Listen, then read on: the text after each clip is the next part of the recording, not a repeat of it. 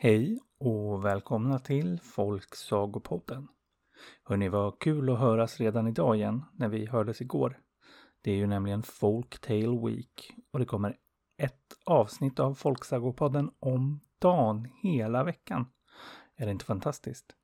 Och Folktale Week det är alltså när artister laddar upp bilder på internet under en vecka med teman från folksagor.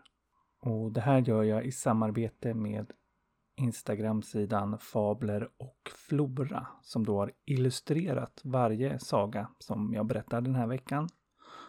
Och dagens ord är Dream, alltså dröm.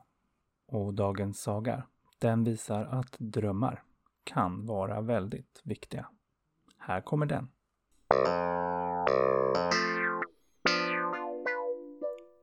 Det var en gång en kung som hade tre döttrar. Ja, vad de två äldsta hette, det vet jag faktiskt inte. Men den yngsta hette Miranda. Och det vet jag bara för att det var kungens favoritdotter. Ja, han var lite underlig, så som rika och mäktiga människor kan vara. Så han hade sin favoritdotter och det var hon som fick alla gåvor och nästan all kärlek från sin far. Presenter och smycken och klänningar, massvis utav klänningar. Men som tur var, var hon väldigt generös och delade snällt med sina systrar, som inte klagade. Ja, och förutom att han favoriserade så var han också väldigt besatt av olika tecken. Och han tänkte att allt hände av en anledning och han litade alltid på sin magkänsla. Ibland funkade det riktigt bra, för han var ju som sagt väldigt rik och mäktig. Och ibland funkade det ganska dåligt. Och han hamnade ganska ofta i krig. Av alla möjliga anledningar. Ibland väldigt fåniga. Så som att han tyckte sig sett ett moln som såg ut som en kung i ett annat land och därför invaderade han dem. Ja, och efter en av de här krigen, när han var på väg tillbaka, så skickade han massor av fint tyg till sin dotter Miranda. Ja, det var det vackraste sidentyg i massa olika färger. Och skickade meddelande om att han var på väg hem. Och ville att hon och hennes systrar skulle klä sig vackert. För nu skulle det bli fest. Eftersom kungen hade vunnit det här kriget. Så snällt delade Miranda med sig till sina systrar av de vackra sidentygerna.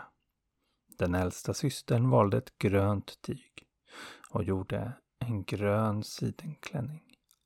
Mellansystern valde ett blått tyg, himmelsblått, och gjorde en vacker klänning.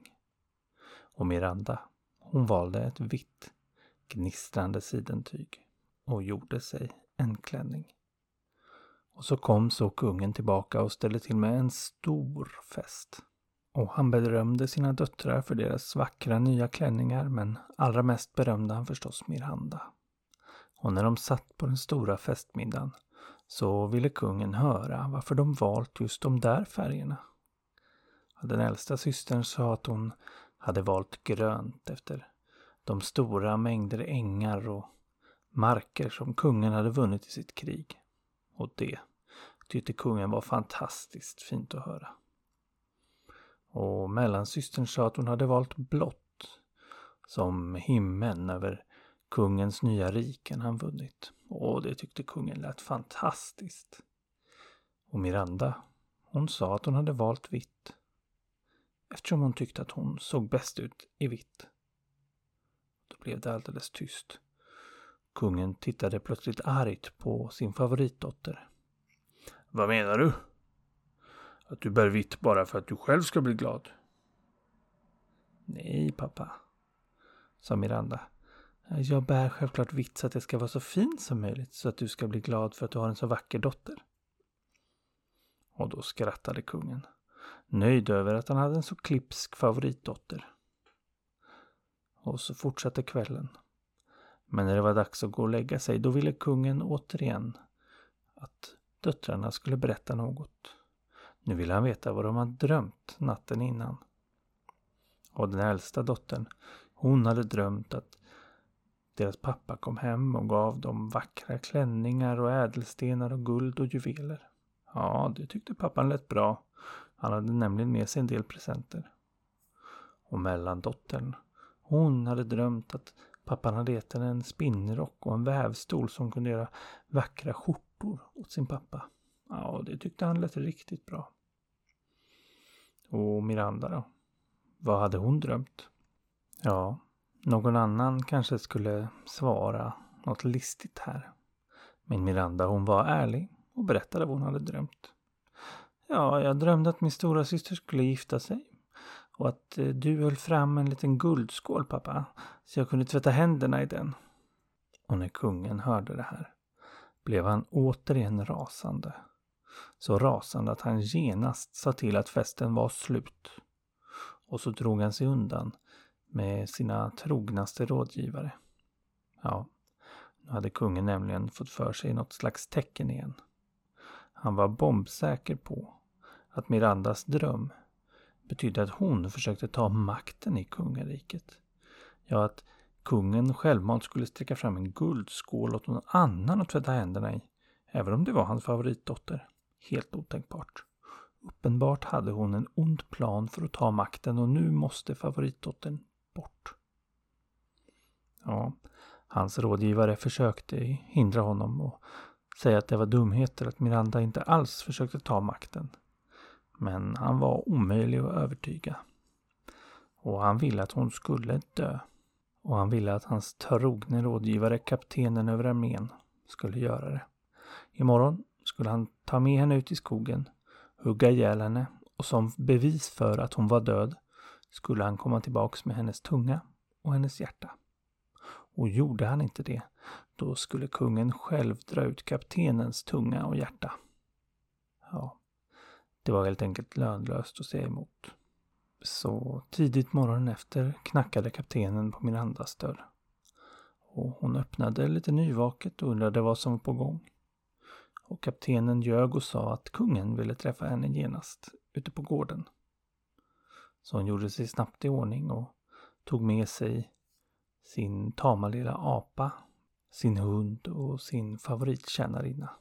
Och så gick de ut på gården. Men där var förstås inte kungen. Kaptenen fortsatte att ljuga och sa nej vänta nu, han skulle visst jaga. Vi får söka upp honom i skogen. Så begav de sig långt in i skogen. Men ju längre in de kom, ju svårare hade kaptenen att genomföra sitt uppdrag. Han kunde inte döda den vackra snälla Miranda. Istället började han gråta. Miranda frågade vad som stod på och han förklarade vad kungen hade befallt. Och Miranda blev förstås förskräckt. Både över att hon skulle dö och att hennes pappa tydligen slutat ha henne som favorit. Kaptenen kunde ju inte komma hem tomhänt. Då skulle ju han dö och det kunde Miranda inte tillåta. Men hennes hund och hennes apa, ja för de kunde tala, de erbjöd sig genast att offra sina liv och sina tungor och hjärtan så att Miranda kunde få fortsätta leva. Och hennes favorittjänarinna gjorde samma sak. Men det ville Miranda inte gå med på. Men apan, han var snabbt högt upp i ett träd och kastade sig ner. Så han dog.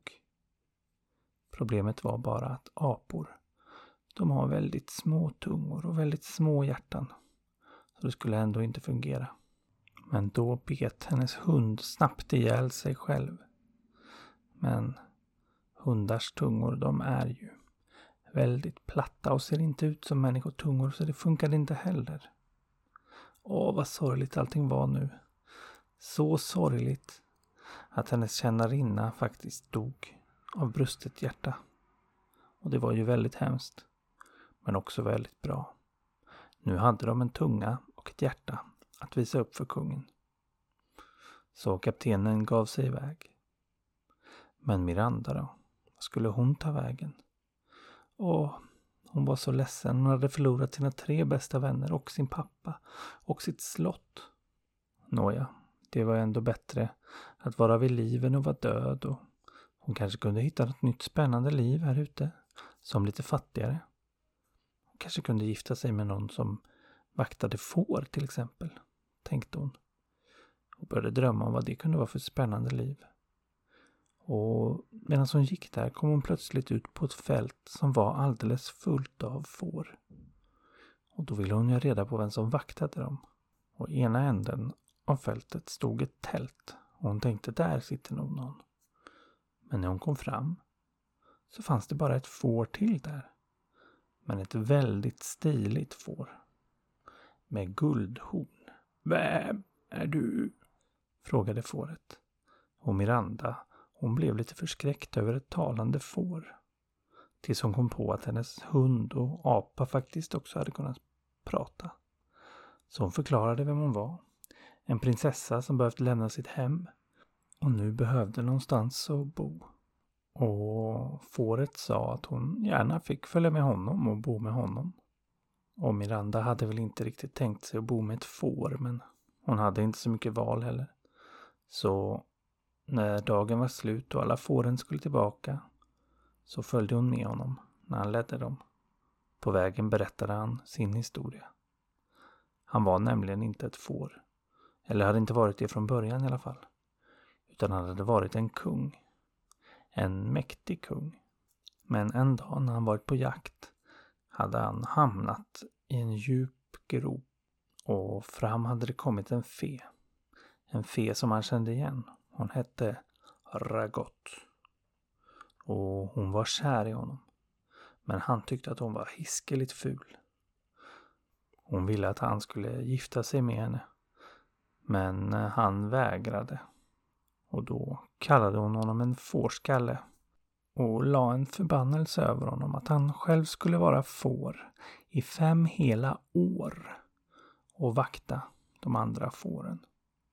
Och det hade faktiskt visat sig att alla de fåren också var olika personer som på olika sätt hade gjort det där gott och ont. Eller enligt henne i alla fall. Och alla hade de olika långa straff. Alltså olika lång tid som får.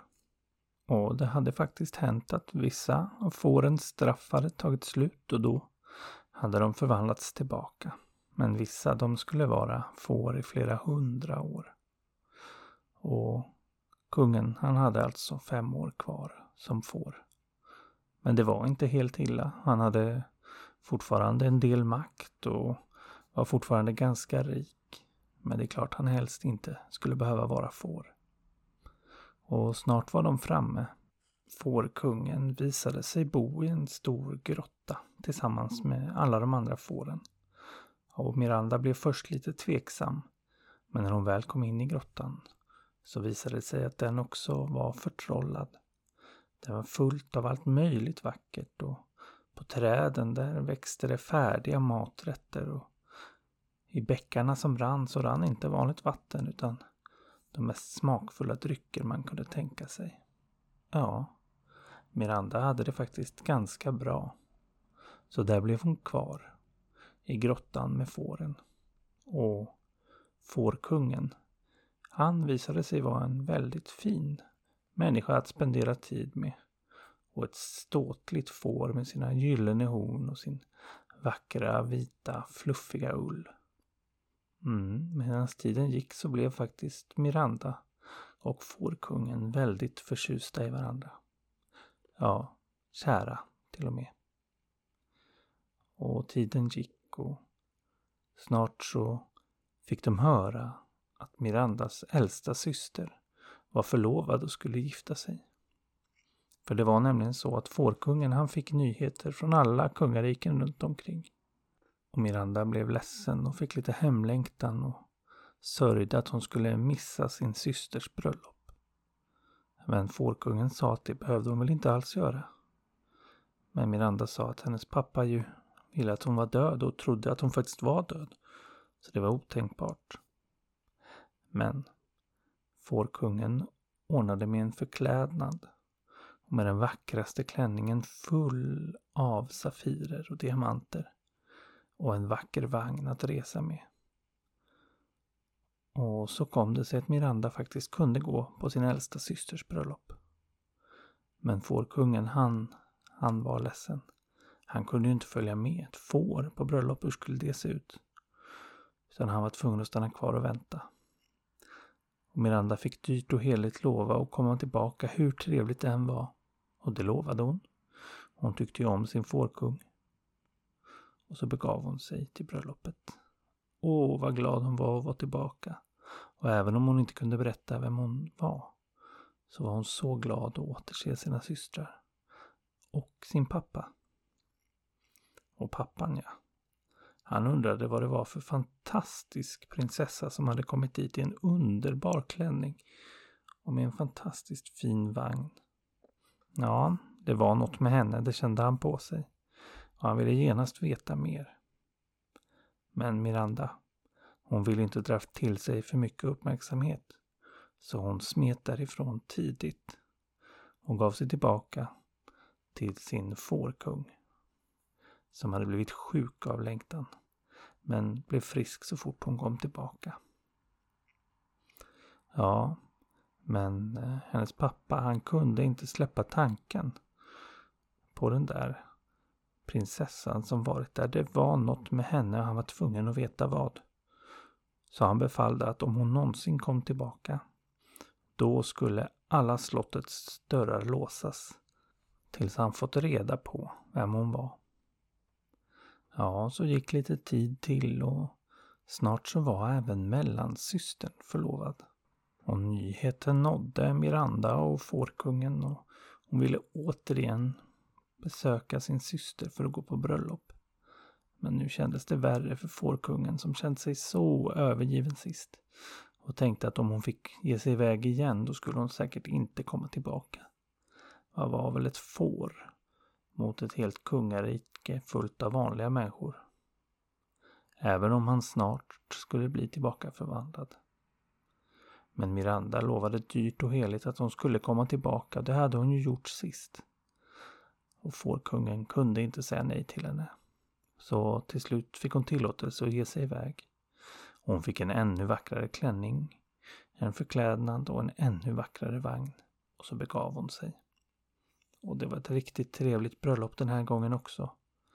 Men snart skulle hon återigen smita iväg, alldeles innan den stora middagen skulle börja. Men när hon skulle gå ut märkte hon att dörrarna var låsta. Ja, kungen hade gjort som han sa. Så nu skulle ingen få gå. Och han hade ögonen på henne. Så fort han såg att hon var på väg att gå så gick han dit och bönade henne att stanna kvar. Inte kan du gå redan, nu börjar ju festen.